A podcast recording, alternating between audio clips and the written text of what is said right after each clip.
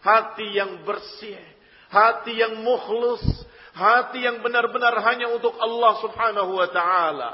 وهذا القلب إذا صلحت صلح الجسد كله وإذا فسدت فسد الجسد كله Al-qalb inilah kalau dia baik maka baik seluruh tubuhnya. Dan sebaliknya kalau dia jelek akan jelek pula seluruh tubuhnya.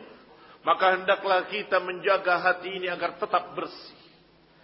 Agar tetap murni ikhlas untuk Allah subhanahu wa ta'ala. Wallahi amalan sebesar apa pun.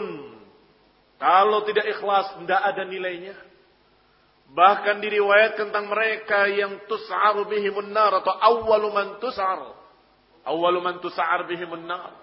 Awal pertama dibakar dalam neraka adalah orang-orang yang dalam keadaan memiliki amalan-amalan besar.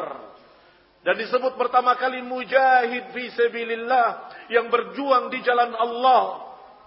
Berperang, mengorbankan nyawanya dan hartanya untuk Allah.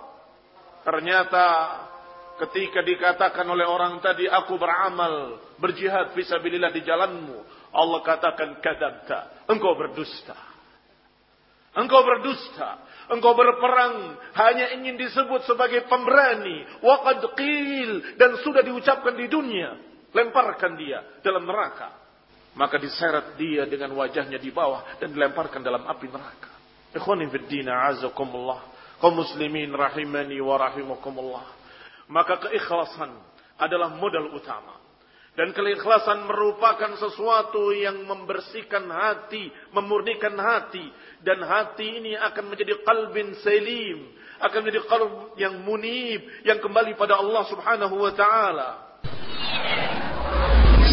Radio Islam Indonesia, RII